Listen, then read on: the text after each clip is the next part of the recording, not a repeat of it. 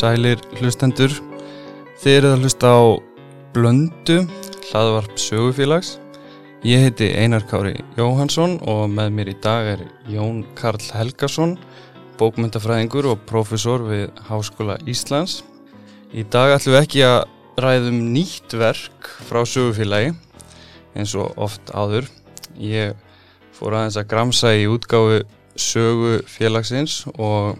staldraði bók sem heitir Ódáinsakur Helgifesta þjóðardýrlinga eftir Jón Karl Helgason sem kom út árið 2013 Værstu velkomin Jón. Takk fyrir. Þessi bók, hún samanstendur af nýju ritgerðum eða essayum eða eins og þú vilt kalla þær tilraunir. Og það er fjalla flestar svona einn eða annan hátt um þjóðardýrlinga uh, getur þú sagt okkur kannski til að byrja með hvað eru þjóðardýrlingar og, og hver er þessi ódáinsakur í titlinum? Uh, þjóðardýrlingar samkvæmt svona þeirri skilgreiningu sem ég hef unni með og, og reyndar svona verið að þróa bæði með samstagsfólki hér á landi og erlendis uh, eru í rauninni einstaklingar sem verða einhver leiti tákmyndir uh, þjóðarinnar eða ákveðin að hlýða svona þjóðernisins og uh, þetta er kannski svona menningalegt fyrirbæri sem að, sem að fyrir að þróast á 19. öld og uh, eins og eins og við höfum lagt þetta upp að ykkur leiti eru þetta einstaklingar sem að svona kannski ekki taka við en, en, en svona lenda í sama farvegi og og trúarlegi dýlingar hafa verið í um, um, um aldir og líkað ykkur leiti þjóðar leittóar að, eh, að svona þegar þjóðríkja þróun hefst í Evrópu að, að þá eru þetta ákveðinir einstaklingar sem að standa þar í farabróti pólitíkusar eins og Jón Sigursson getur við skýrast að dæmi hér. En, en líka skáld og listamenn og, og, og jafnvel fræðimenn, textafræðingar og svo framvegis og uh, það má svo kannski segja á, á, á tímabilinu svona frá 1880 til ja, 1910 að þá er kannski svona starfsemin í kringum það að breyta þessum einstaklingum í, í eitthvað svona tákmyndir uh, þjóðverðnisins eða tungumálsins eða, eða jafnvel svona ákveðina tilfinningar náttúr og landslægi að hún er mjög virk og, og, og kemur kannski skýrast fram í að það er verið að afhjúpa stittur af þessum mönnum. Og ég segi mönnum sko mjög ákveði kallmönnum, þetta eru, þetta eru mest kallmenn og, en, en, en þetta eru einstaklingar sem, að, sem eru svona áfram í, í nótkunn, eða við getum sagt tákmyndi sem eru áfram í nótkunn og, og þessi bók er svona tilrönd bæði til að, að, að svona draga upp mynda þessu uh, evróska samhengi. Uh, ég sem lítið verið að skoða þetta út fyrir Evrópu en, en líka í rauninni svona klukka þessa einstaklinga hér á landi sem að hafa, hafa fengið þetta hlutverk eða hafa komið til álita. Emmitt, og þú ert svolítið að skoða listamenn, en þetta er líka það sem þessir menn standa fyrir í menningunni. Eins og ef við tökum dæmum Jónas Hallgrímsson þá er það einmitt eins og þú nefndir sko náttúran og fræðimaðurinn og skáldið hann er svolítið þessi erki þjóðadýrlingur Íslandinga þegar það kemur að listamönnum, er það ekki? Jú, ég held að hann sé svona svolítið svona óskoraður leittögi þar en, en hann hefur aldrei fengið samt svona jafn stert tákgrænt gildi og Jón Sigursson og, og eða, eða kannski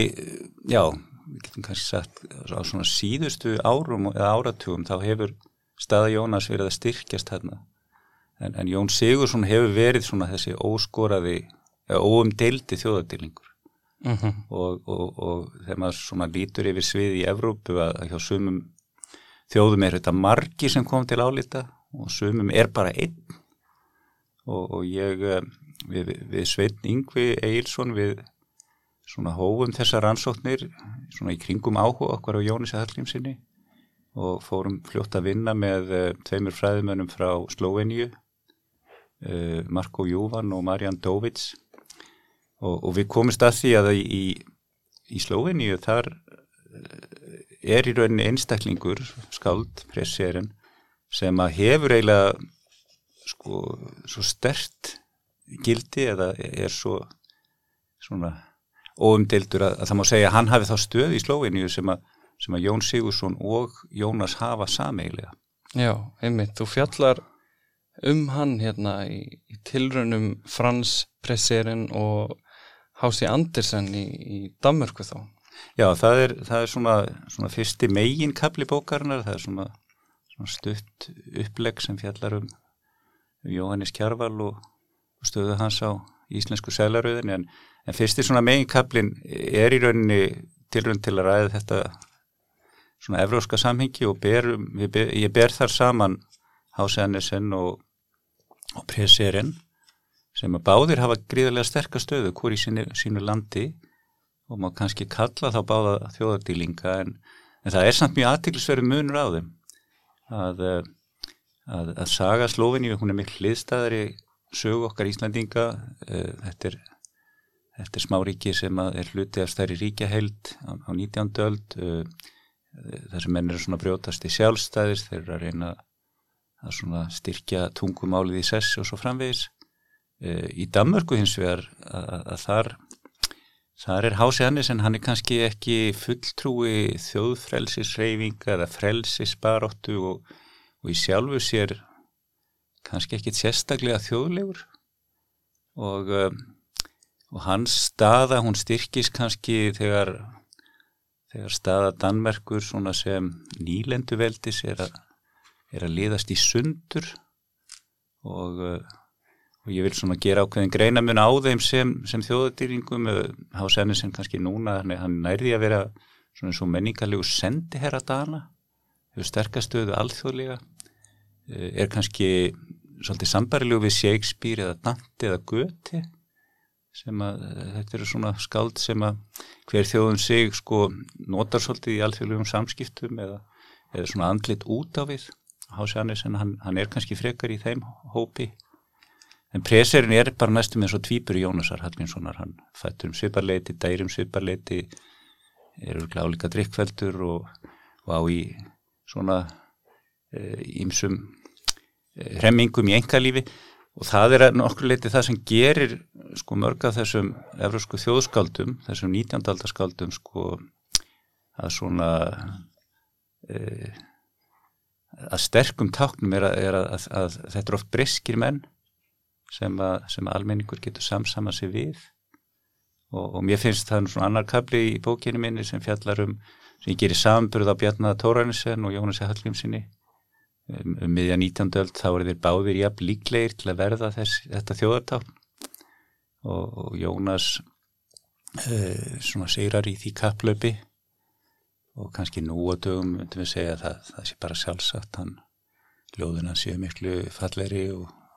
hann er listaskaldi og, og svo framvegið sko já, já. en ég held að komi líka inn í að, að, að sko Jónas Steir Ungur sem er kostur eða vilt vera þjóðskald uh -huh. uh, Bjarni er embættismæður hann lifi lengi og hérna hann er svona fulltrúi stofnunarinnar eða í establishment sko. Og, og allt þetta spilar inn í og það, það, það er mjög fóröld að, að setja þessa einstaklinga í þetta evróska samhengi. Þegar ég fór að skoða Jónas fyrst þá fór ég nú að skoða bara mjög afmarkaðan hluta af hans svona uh, sögu minningarnar um hans sem var, var voru beinaflutningar uh, 1946 þegar að myndar jarneska leifarans eru fluttar heim til Íslands. Uh, en, en hérna og, og það var kannski þá sem ég áttaði með á hvað þetta var líkt katholsku dýlingahefðinni það eru beinaflutningar bara svona svona svolítið venjan sko. Já, þú ert aðeins að tengja þetta við svona e, kristilega og, og, og svona kathólska dýrlinga menningu í fókinni Já, og, og þessi, semst ég skrifaði bókum um beinaflutningana 2003, alveg tíu árum en ég skrifa átáðansakur og það var eiginlega uppgötun eða það sem mér fannst skrítnast var, var þessi saga beinaflutningi Jónasar í fyrsta lagi hvað hún væri svona kathólski eðli sínu. Það er alltaf verið til dæmis við að deilum það hvort að jarneskar leifar dýlinga séur umverulega það sem það eru eða hvort að, að flýs úr uh, krossi kris sem er keimt í ykkur í kirkju sé í rauninni þessi flýs og svo framvegið sko. Mhm. en hérna uh, en ég held líka að þessi saga sem, að, sem er með ólíkindum sagan af beinaflutningi Jónasar það sem að beinum með stólið og, og sem við vilja grafa þau fyrir norðan og ríkistjóðnum vilja grafa þau fyrir hérna á þingvöldum og svo framvegis. Ég, ég held í raunin að þetta væri alveg einstakt fyrir Ísland En, en það sem ég komst smátt og smátt að og, og, og við, við sveitning við sérslega fórum að vinna með þessum frábæri fræðumænum í Slóvinju er að allt við Jónas er dæmigert. Líka það sem okkur finnst með mestum ólíkindum að, að hérna hann er í, í miðilsambandi við Sigurjón Pétursson sem að grefur, ja, kostar uppgruft beinas. Eh, það eru sambarli dæmi til í Östur-Európu og, og ef þetta væri katholsku dýlingur þá væri ymmit þetta þetta miðilsamband eða þetta svona yfirnáttúrulega það væri bara staðfestinga og þetta væri dýlingur. Já, og þú nefndir þetta samstarfi erlenda fræðimenn. Uh, þú gafst út bók 2017 sem kom út, hvað er hún að koma út í bandaríkjunum eða í Evrópum? Nei, þetta er fórlega í Evróp sem heitir Brill Já, í Hollandi. og það er bókin National Poets, Cultural Saints og það, þú skrifaði hana með Marian Dowich uh, og þar ferðu líklegast aðeins ítalega í þessi hefni Já, það er svolítið sko kannski annað sjónarhótt en það má segja að ódáðansakur sem, sem að kemur út hjá sögufélaginu að, að margar rítgerðir í, í því safni eru svona uh, hlut af þessu, þessari alþjóðlegu vinnu við getum sagt svona ólíkar allugur að því að, að við Marjan skrifum þessa bók okkar mm -hmm. og uh, kannski ástæði fyrir því að okkur fannst spennandi að vinna saman var að að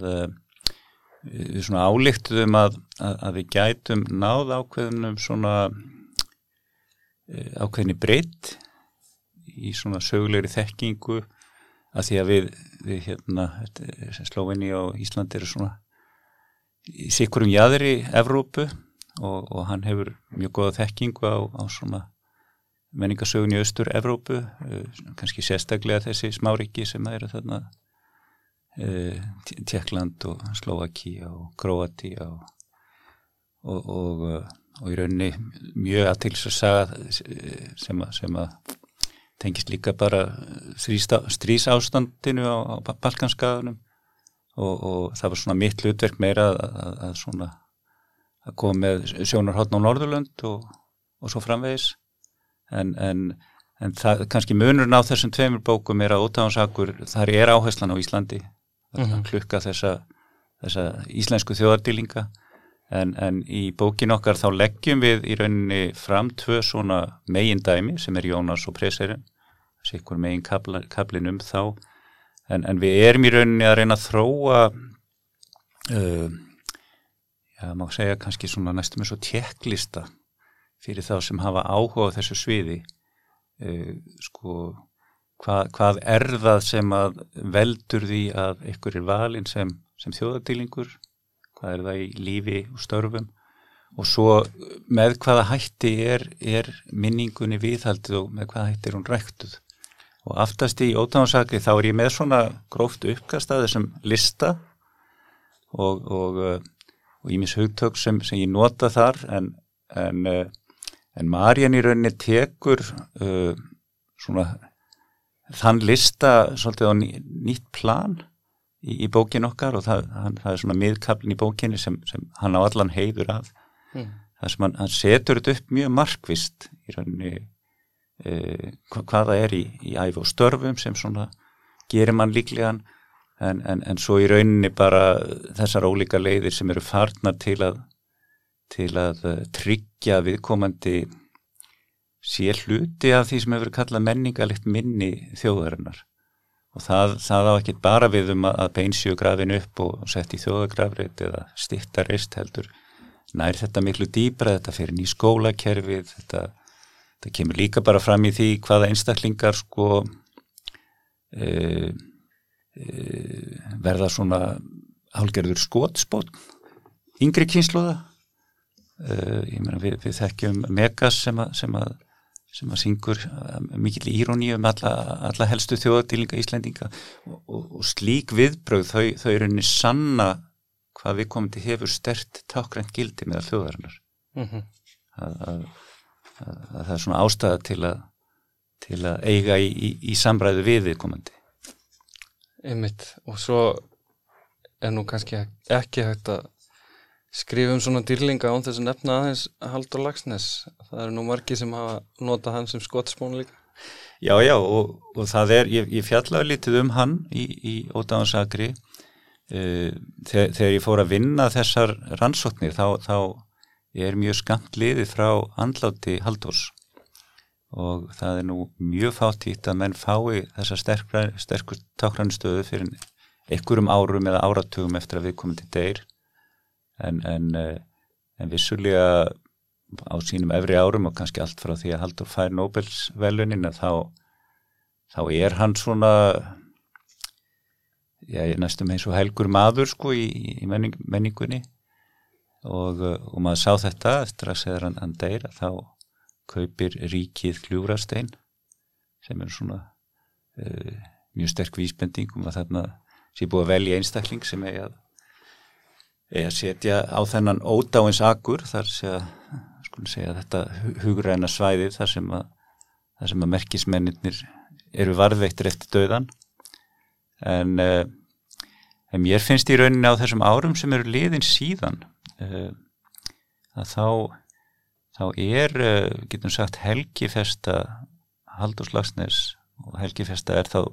í rauninni þetta starf sem á sér stað til að, til að halda minningun á lofti og, og styrkjana uh, að, að þessi helgifesta hún hefur ekkit verið neitt sérstaklega virk síðan. Að, er opnaður sem, sem sann uh, það er sem farið að gefa út núna skáltsugur Haldurs á nútímamáli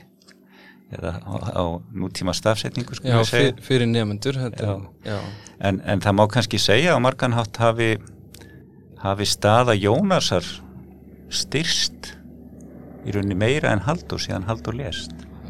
og, og það kemur fram í ímsu sko að, að, að það er stopnað uh, fyrir norðan menningafélagi Hraun í Öksnadal uh, sem að er einhver liti stopnað í kringum það að, að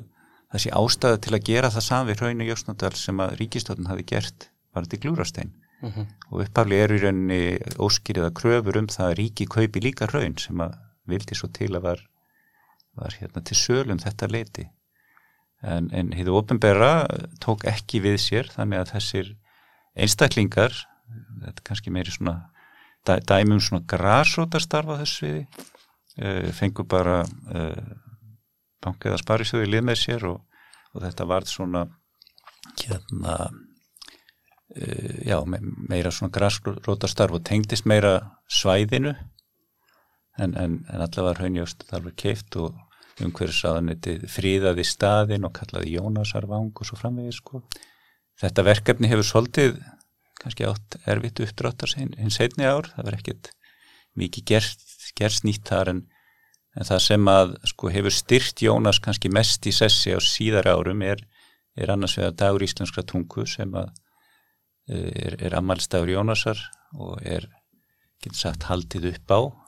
með einhverjum hætti árlega. Eh, þetta er að vísu dagur sem að sem að hérna uh, á sér sögu sem, sem nær aftur fyrir aldamótin. En, en svo er það kannski það sem að festi Jónas svolítið stert í sessi var, var að hann væri e, valin á, á tíðuskrona peningaseðjalinn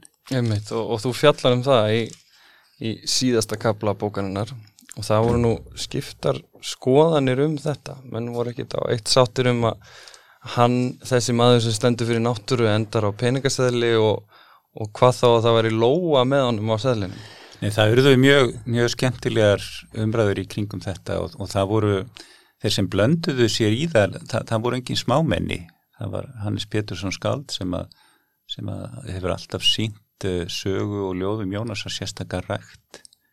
Eh, það var líka Tryggvi Gíslason fyrirhundi skólastjóri eh, sem var á þeim tíma formaður menningafélagsins Raunsjöfsnadal og hann, hann beinlínis fyrir hönd Jónasar óskað eftir því að það er sett lögban á það að, að Jónas væri þetta tengdur við, við sagt, þróun íslenskra verbulgu sko. Eh, en, en, en ég held hins vegar sko að eð, já, það hérna ég held að ástæða fyrir því að einstaklingar eru, eru valdir á seglana sé svolítið tvíþætt. Það það er leið til að tryggja minningun í sessi. Uh, og, og þetta er svona þetta er pólitíst val. Það er líka ákveðin fagfræðileg skilabóð ef, að, að bóluhjálmar hefði verið valin að tíðuskronaseðlin það hefði, það hefði verið líka ákveðin skilabóð um, um, um hvað vegum að muna frá, frá 19. öld en, en svo er hinliðir á þessu sem að kannski kom ekki fram í umræðun en, en ég hef haft svolítið áhuga á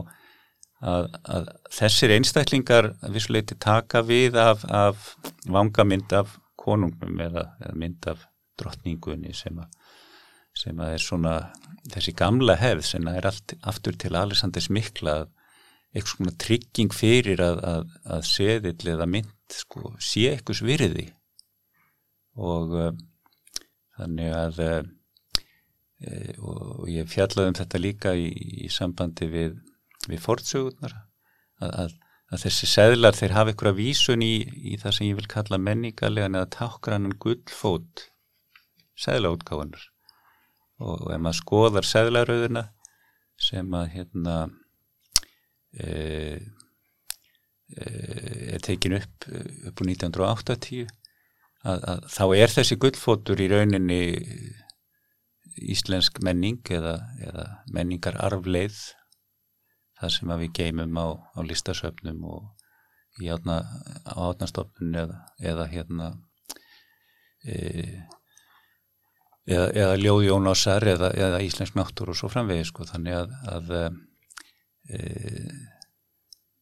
að sumu leiti og það er nú það sem fyrsti kaflin í ótáðinsagri fjallar um sko að til dæmis kjarval er settur á tvöðuskrónuseglin en, en í raun er verið að segja bara íslensk myndlist eða eða það hvernig íslensk myndlist eh, tengist íslenski náttúru. Það, það er í rauninni skilabúðin Jón Stefánsson hefði geta verið á töðuskronarsælunum og seðilin hefði haft aðra merkingu. Hei, einmitt.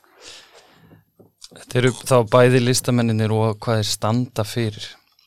Þeir verða einhvers konar íkonísk mynd af, í þessu tilfelli af myndlist og í öðru, í tilfelli Jónasar af náttúrunni og, og skáldskamnum en hérna en það er annað, þú, það eru svona þessi þrjú element sem þú talar um, það er að enda á seðli, það er að einhver sé að grabla í beinunuðinum og svo er það að lokum stitturnar og, og þú tegnar þetta upp í bókinni eins og sér fyrir þið Reykjavík eins og tablborð og það hefur verið að setja menn á, á valda staði það er að segja stitt, í stittuformi og við, þú ert kannski aðalega fjallum í upphafi aldarinnar þá hefur verið að koma fyrir uh, Jón Sigursinni og Jónas Hallgrímsinni og það er svolítið verið að færa stittur og svona takast á um þetta en þetta er nú eitthvað ennþá í gangi þótt að stittur þykir nú ekki alveg ný, svona móðins í dag. Þykir ekki málið. Nei, einmitt. Já, að vísu sko, eins segi, sko, þannig sérstaklega í bókin okkar Marjan, sko, það, það, þá, þá er þetta orðið, sko, þetta er mjög vítt svið, þetta líka fælst í því einmitt hvort að, hvort að æsku heimilis þeim sé breytt í satn og svo framvegis og hverju satnað, um, uh -huh. þú veist, ég held að kjólföld af Jóni Sigurðsson eru gemt í þjóðminni satn og svo framvegis, sko, en, en, en að einhver leiti er verið að nota kannski það sem ég kalla helga dóma, einhver það hefur líka verið kallað minningar mörg uh -huh. um, að, að það, er, það er eitt að sapna þessu og, og láta gera stittur og, og svo framvegið sko en, en yfirlt er verið að sko varveita þetta eða ræða þessu upp í einhverjum tilgangi, það, það er einhver skilabóð og svo framvegis. Og, og þetta fer að móta umhverf okkar. Þetta, uh, og eiginlega móta það þannig að við tökum ekki eftir því. Uh -huh. uh, við tökum kannski ekki eftir því sem er auðsýnis auðsýnilegast sko, auðsýnislegast og hérna og það er eitt kapli ótáðansaktir sem að, sem að það sem ég var svolítið að reyna að sjá fyrir mér hvernig þetta stýtturlandslega hefði þróast í, í Reykjavík og það sem ég fannst reyndar almerkilegast við þá aðtugun var að, fyrsta svona minningarmark af þessu tægi er í rauninni minnisvarðum Tómas Sæmursson fjölnismann sem Já. er sett upp á breyðabólstað sem satt uh, í fljóðslíð uh, þegar, þegar hann, hann, hann, hann deyr þarna uh, rétt fyrir miðja miðja 19. öld. Og þeir sem að er í minnisvara nefndinni allavega á ákveðinu tímabili eru Jón Sigursson og Jón, Jónas Hallgrímsson. Já, og, og það, það er eitt sem að sér svolítið í þessari söga, mjög oft þeir sem að rækta minningu þjóðadýlinga, þeir, þeir eru þá kannski orðin líkleri til að, að komast í hópin þeir svona hafa aðeins nuttað sér utan í ódæðleikan eins og, eins og má, má svona, það má, það má lýsa því þannig sko en, en hérna uh, en þessi svona, við kunum sagt þetta tablborð uh, þjóðmenningarinnar eða minningarinnar uh, það fer að mótast í Reykjavík með, með stittu af, af Torvaldsen sem að er gjöf frá Kaupmannahöfn til einni af þústar Amal Íslandsbyðar 1874 uh, stittan kemur hérna 1875 og er, er í miðjum bænum og er, er svona fyrsta fyrsta tákmyndin af þessu tægi í miðbænum og, og, og hún er þar sem að stittan af Jóni Sigurssoni núna á miðjum östuvelli og, og er kannski bara mjög góð tákmynd fyrir svona íslenska þjóð sem er hluti af danska konungsveldin á þessum tíma, Torvaldsen er með hann á íslenskan föður og danska móður og þannig að þetta er rétta tákmyndin en, en þegar að Ísland, Íslandingar eru svona að fikra sér átt til fullveldis og sjálfstæðis að þá þá í rauninni fyrir af stað þessi svona þetta ferli sem að sem við sjáum afleðingar af nú þar sem að að Jón Sigursson sem að upprunlega er fyrir framann stjórnarað er komin í stað Torvaldsen og Torvaldsen komin svona, svona meira í aðar miðbæðir eins við tjörnina. Uh, stittan og Jónas í Hallgrínsinni, hún var líka færð þar sé hún er upprunlega sett fyrir neðan Benhástorfuna það er afhjúpuð 1907 en 1945 er hún færð þarna í félagskap Torvaldsens hugsa, þá, þá kannski leit út fyrir að það ætti að búa það til svona listamanna ódáðinsakur já í hljómskólagarðinu já, Já, en, uh, en, en þetta hættir ekkert og, og, og það, er, það er mjög aðtiklisverð verkefni sem, að, sem að hafa verið á setni árum í rauninni að rétta hlut kvenna. Einmitt. Uh, og, og kannski byrtist til dæmis í því þegar að Bríetar tún og fleiri, fleiri götu heiti sem sagt eru tekin upp þarna uh, sem að svona eða þá minn okkur á hverjar, hverjar hérna voru fyrstu konurnar í íslenskri pólitík uh, stitta fyrir, ný, ný stitta fyrir framann alþingishúsið núna af, af fyrstu þingkonun og svo framvegis sko. Þannig að, að þetta hérna uh, já er kannski ekki rétt að tala um að, að, að það sé verið að leiðrétta söguna en, en, en það, það er verið að, að svona að reyna að vinna með þessar minningar eins og þær hafi verið steiftar í eir og samt að vinna áfram með merkingu þeirra. Já, og ég teka mitt dæmi af því líka hvernig hvernig hérna bara ímsir hópar hafa, hafa nýtt stittun af Jóni Sigursinni til að koma öðrum skilabúðum að framfæri. Já, í hruninu. Já, Já. heldur en heldur en uh, kannski voru upphaflega. Einmitt. Og svo eru skilabúðin alltaf svolítið um, á floti hvað merkir stitta og uh, mér finnst stittan af, af Jóni Sigurssoni mjög forvittli í því sambandi sko, er hún, er hún hugsuð sem einhvers konar speilmynd þingmannsins eða stjórnmálamannsins sem getur farið út á svalir á uh, alþingisúsinu og svona máta sér í stellinguna. Og þess að sko þetta, þetta er frummyndin, þetta er sá sem ég vil líkjast. Eða er Jón Sigursson frekar þarna til að hafa auga með þingmönnum? Er, er hann er hann, er hann hið krítiska hérna, e, tillit sem að og, og þá er hann orðinur einn, einn af mótmælendun getur við sagt að við vísum í hruni skilur við þannig að Já, það, það, og það er eitt af því sem er svolítið skemmtilt við þetta, þessi minningarmörk að, að merking þeirra liggur ekki á lausu og hún er aldrei endanlega skilgrind. Hún er alltaf í mótun. Já. Nú hef ég lesið nokkrar af þínum fræðibókum og þú kemur alltaf óvart einhvern veginn í framsetningu og miðlun. Það er mikil svona leikur í þínum fræðitekstum oft. Hér til dæmis í þessari bók þá fylgjum við þér á ferðalegi í einum kaplanum og, og í lokin þá, þá eru svona spurningar og svör þar sem að þú eða mælandin í bókinni situr fyrir svörum um, um, hérna, e, um niðurstöðunar en svo hefur e, sett upp útvarsleikrit í fræði bók og, og í nýjustu bókinni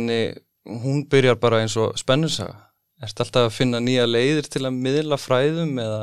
er bara svona mikill leikur í þér eða? Ég, hef stundu sagt að ég hef aldrei komist alveg í gegnum gelgjuskeið þannig að, þannig að ég, ég er að reyna að ná, ná gelgjunu úr mér en, en það sem hefur mótað kannski mjög mína fræðimennsku er í rauninni tíjar og starfsferill á útvarpinu. Einmitt. og það, það mótaði mikið hvernig ég skrifaði af því að þegar maður vinnur fyrir útvarp þá þarf maður að, að allavega skrifa það, það stuttar og ljósa setningar. Ef, ef maður er undirbúið að texta fyrirfram að, að hlustandi nái því sem maður er að segja. Uh, ég, ég byrjaði á því að gefa út tvær fræðibækur um, um viðtökur á, á njálsugu hluti af því efni hafði, hafði einhverju stíð runnið í gegnum útvarpið. Það var, það var svona mín leið til að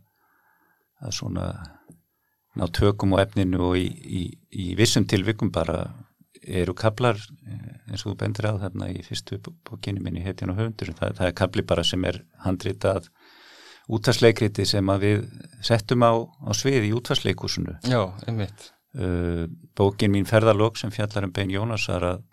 að kveikjan að því var heimildatháttur sem ég gerði sem var enda bara endurfluttur núna á 17. júni mm -hmm. þar sem að ég uh, var annars vegar að vinna með skriflegar heimildir uh, skýslu þjóðminni varðar sem að gróf Bein Jónasar upp en, en ég tók líka viðtöl við þá sem mundu eftir þessu voru, eftir, voru enn lifandi og, og mér minnir bara að innan ás þá var helmingur af viðmændum mínum látnir þannig að, að ég svona rétt náði í skottið af fólki sem, að, sem hafi verið sko búsett í Öksnadal eða, eða lauruglustjórin og Akureyri og svo framvegis. E, þannig að þetta hefur kannski mótað svolítið svona nálgun mína á, á hérna á þessa miðlun. En En ég hef líka bara alltaf verið mjög áhuga samar um það hvernig segir maður sögu uh, uh, verandi fræðimaður en, en viljandi samt ná til fólks. Og, og mér, mér hefur fundist bara spennandi að, að, að fara þess út fyrir því svona því stránga form fræðigreinarinnar og, og þessi kapli ódáðansagri sem þú nefnir uh, sem fjallar eiginlega um uh, beinaflutninga Jóns Arasonar. Að, að hann kannski sker sér svolítið úr og ég tala um það í engangi að hann, hann, hann er ekki þessi dæmi gerið fræðilegi kabli þó að hann allar heim, ég gerir mér skýrgrein fyrir öllum heimildur sem framvegis en, en hérna e, hann er innblásin af, af lestri á, á þýskum leithöfundi Vafki Sebald Einmitt. sem að skrifað alveg ógleymanlegar bækur sem, að, sem byggja á mikillir fræðilegri þekkingu og pælingum, hann hefur skrifað mikið um, um hérna uh, örlögiðinga í Evrópu tegnslum við stríðið og svo framvegis. Og, og þannig að þetta er svona sebald kablin minn. Og, og uh, það er kannski margt í ferðalokun sem að sem, sem móta svolítið af uh, miklum lestri á Mílan Kundera sem að, sem að hafi sjálfur skrifað um beinaflutninga Jónasar. Nú, og hérna í einni skaldsögu sinn og ég, ég, ég á svona í vissi samræðu við hann í, í, í uppafskaplanum uh, en en, uh, en svona margir kannski að þessum skáldsarnahöndum sem ég hef haft áhuga á ég, ég nefnt Kundera og, og Sebald uh, líka hérna Julian Barnes. Það, það eru höfundar sem eru ofta að vinna með sögult efni. Eru að, að, að eru í raunin að byggja á það sem við getum kallað fræðilegum rannsóknum uh, en, en, en, uh, en líka hafa áhuga á, á sagnamennsku og kannski hinsbyggilegum spurningum og svo framvegist þannig að, þannig að þetta er svona allt allt ítt á mig að, að hérna að svona reyna stundum á mörk hinnar fræðilegur ytgerðar. Einmitt.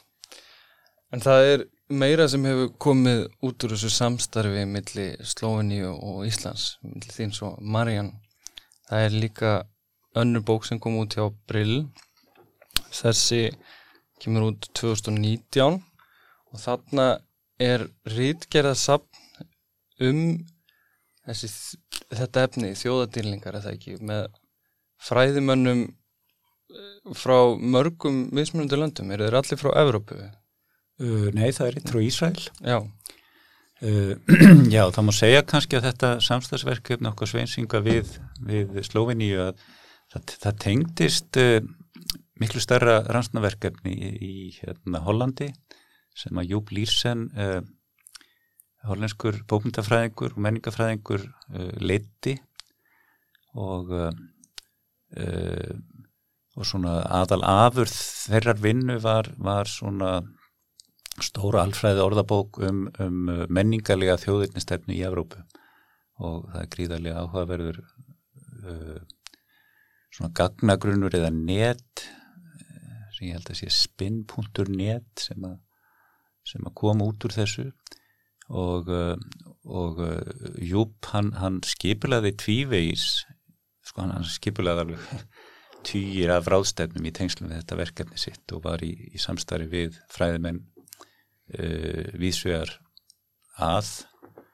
og, og setti á fót í rauninni reytruð hjá Brill sem að báða þessa bækur eru hluti af og þar hafa komið út einhverja 40 bækur á hverfum árum. En, en hann skiplaði tvissar semst ráðstefnur sem að sem að þjóðardýlingar voru í rauninni í brennidepli og, uh, og við Marjan og, og Marko og Sveit við tókum svona mjög smikinn þátt í þessum tveimur ráðstefnum. Marjan skipulaði alveg setni ráðstefnuna. Og uh, og það má segja þessi bók sem, að, sem við erum í stýrum sem að, sem að ber titilinn Great Immortality eða, mikli, eða stóru ódeileikin sem er hugtak frá kundera að, hún sé svona afraksturna af þessum tveimur ástefnum og, og margir af fræðumennunum þar þeir í, í raunin að nota þetta svona skapalón sem við vorum að þróa og kannski, ég myndi segja Marjan á, á endanlegan heiður að